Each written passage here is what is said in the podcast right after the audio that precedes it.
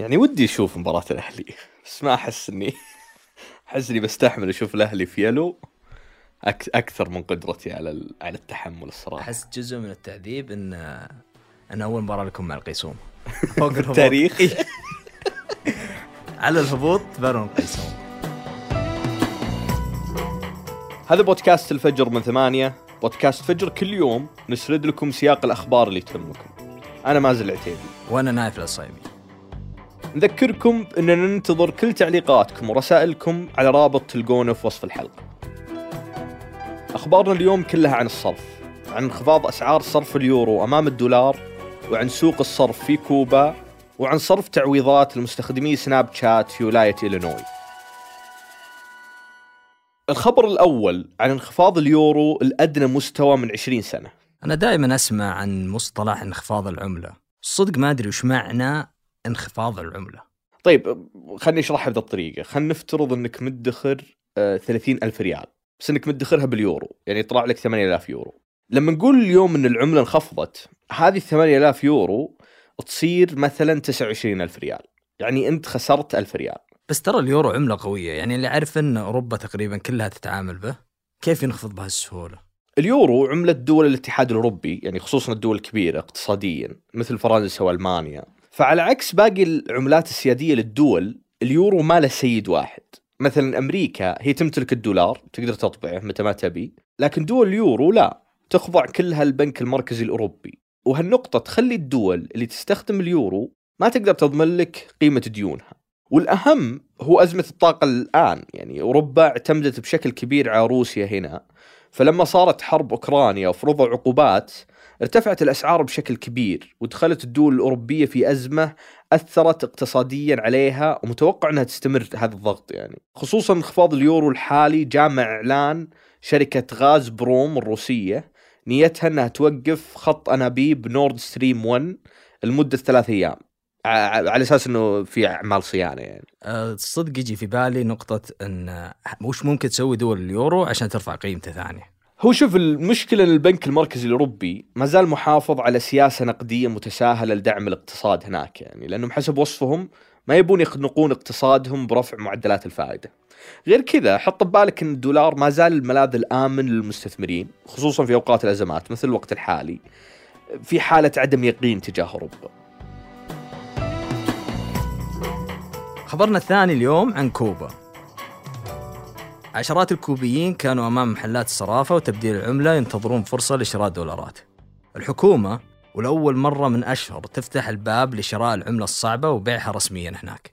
بس ليه الحكومة سوت كذا؟ يعني على أساس يقفلون السوق السوداء حق تبديل العملة؟ يعني هي محاولة أكيد ولكن تو الموضوع محدود. الآن مسموح فقط تبدل مبالغ صغيرة. يعني مثلا تأخذ 100 دولار كل مرة وممنوع إيداعها في البنوك يعني تأخذها معك نقدا.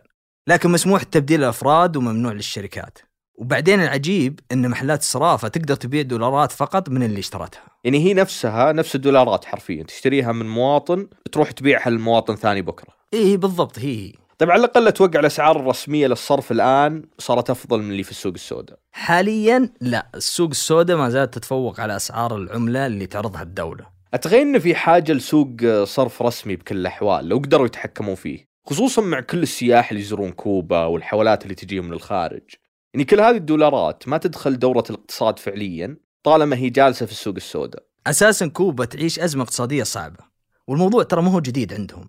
من تبعات كورونا والعقوبات الأمريكية في العقود الأخيرة اللي كانت بعد أزمة كوبا. بس أتذكر في فترة أوباما إنه خفف الحصار الاقتصادي يعني أذكرها كانت سالفة فتح سفارات بين البلدين آه، صاروا السياح الأمريكان رايحين جايين لكوبا. صحيح لكن بعد ما وصل ترامب للرئاسة في 2017 رجع الأمور مثل قبل وأسوأ. شدد القيود على التجارة والسفر ورجع كوبا إلى لاحه الدول الراعية للإرهاب اللي فعليا تخنق الدولة بشكل كبير إي أكيد اتخيله يشل الاقتصاد بس صدقني دايم أسمع عن تحولات في الاقتصاد الكوبي يعني الكل جالس يترقب في مقالات تلقى عمرها كذا عشر سنوات ترجع تقرأ اليوم نفسها هل تسير كوبا الشيوعية نحو الرأسمالية؟ هل رحل كاسترو ودفنت معه الشيوعية؟ في كثير أسباب لهذه الأسئلة. يعني هو فعلا في تحولات حصلت وتحصل بعدين. مثلا ما كانت الحكومة الكوبيه تسمح للناس يشتغلون في الوظائف بالقطاع الخاص إلا ب 127 وظيفة بس. فتقدر تصير حلاق سواق تاكسي. وباقي القطاعات كانت حكر على الدولة والتوظيف فيها عام. لكن السنة الماضية بس صار مسموح للناس يشتغلون ب 2000 وظيفة ويسوون مشاريع صغيرة. okay. يعني هذا فعلا يغير يغير شكل الاقتصاد كله. واعرف إن الدولة بعد فتحت الباب الاستثمارات اجنبيه في الإنتاج والخدمات قبل والآن في مجال التجارة. مع أن قطاع التجارة كان كليا بيد الدولة من آخر الستينات حتى بداية أغسطس هذا. يعني يذكروني بنموذج الاتحاد السوفيتي إن كان مطلع عليه. إي أحس النقاش نفسه يرجع يتجدد كل مرة يعني. وحسب اللي تسأله يقول لك عن سبب الانهيار الاقتصادي في كوبا يحلل التحولات. تلقى اللي يلوم النظام الشيوعي ويصور التحول للرأسمالية كأن الحل السحري للأزمة وفي المقابل بتشوف اللي يلوم العقوبات الأمريكية يشكك في أي فرص اقتصادية جديدة. كثير يخافون أنها تحول الكوبيين العمالة رخيصة للمستثمرين وتزيد التدخل الأجنبي.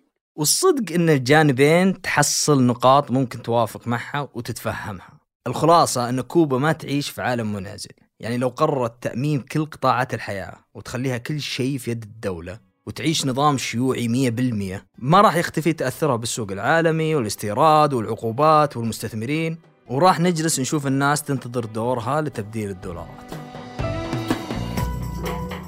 الخبر الثالث سناب شات توافق على تسوية بقيمة 35 مليون دولار بسبب دعوى الخصوصية يعني أحس شركات التقنية مشاكلهم كثرت يعني فيسبوك ومن كذا يوم تويتر أزمة مالية والحين سناب شوف مشكلة سناب مختلفة يعني حسب الخبر أن ولاية إلينوي وصلت التسوية بقيمة 35 مليون دولار مع شركة سناب في هذا الشهر آه، بعد دعوة قضائية بسبب الكيفية اللي تم جمع بيانات المستخدمين فيها. بس ودي نحدد هنا بيانات المستخدم لأن يجي في بالي دائما أرقام أسماء. آه، بيانات المستخدم اللي نعرفها بشكل طبيعي اسمك رقمك عنوانك.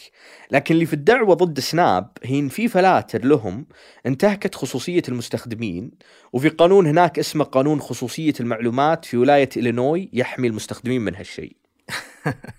يعني من الفلاتر آه، يجي في بالي وش أخذوا من فلاتر؟ شوف الفلاتر الصدق وضعها معقد زيادة لأنه في أشياء مثل بصمات الأصابع. آه، مسح القزحية والشبكية ومسح الوجه وطريقة المشي. هذه يسمونها البيانات البايومترية وهي اللي أخذ منها سناب لأن الفلاتر تحتاج أنها تلقط كل كل ذا الأمور على أساس تركب الفلتر تركب الفلتر عليك.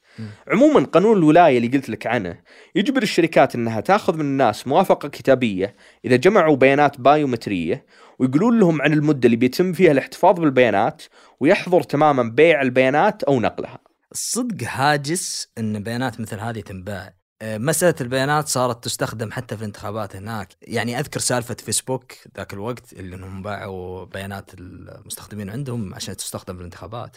إي يعني بيانات المستخدمين صارت هي أغلى سلعة في العصر الحديث ذا. يعني هي عبارة عن كنز من المعلومات. تستفيد منها الشركات بعدة أشياء مختلفة وتكسب من خلفها أموال طائلة يعني. وترى ما هو بس سناب اللي طلع عليه كلام في ال- البيانات. نفس القانون آه، كسرته تيك توك ودفعت تسوية بقيمة 92 مليون دولار. ونفس الكلام على فيسبوك اللي دفعت 620 مليون دولار لتسوية قضية مشابهة. حتى جوجل وافقت تدفع 100 مليون دولار على ميزة تجميع الوجوه في صورها. آه، تستخدم فلاتر يا أبو سعد. أنا مقاطع السناب بالكامل ما حولي ذا ال- ذا الفلاتر يعني. أنتج هذه الحلقة لما رباح. وأنا نايف العصيمي وقدمتها لكم مع مازن العتيبي.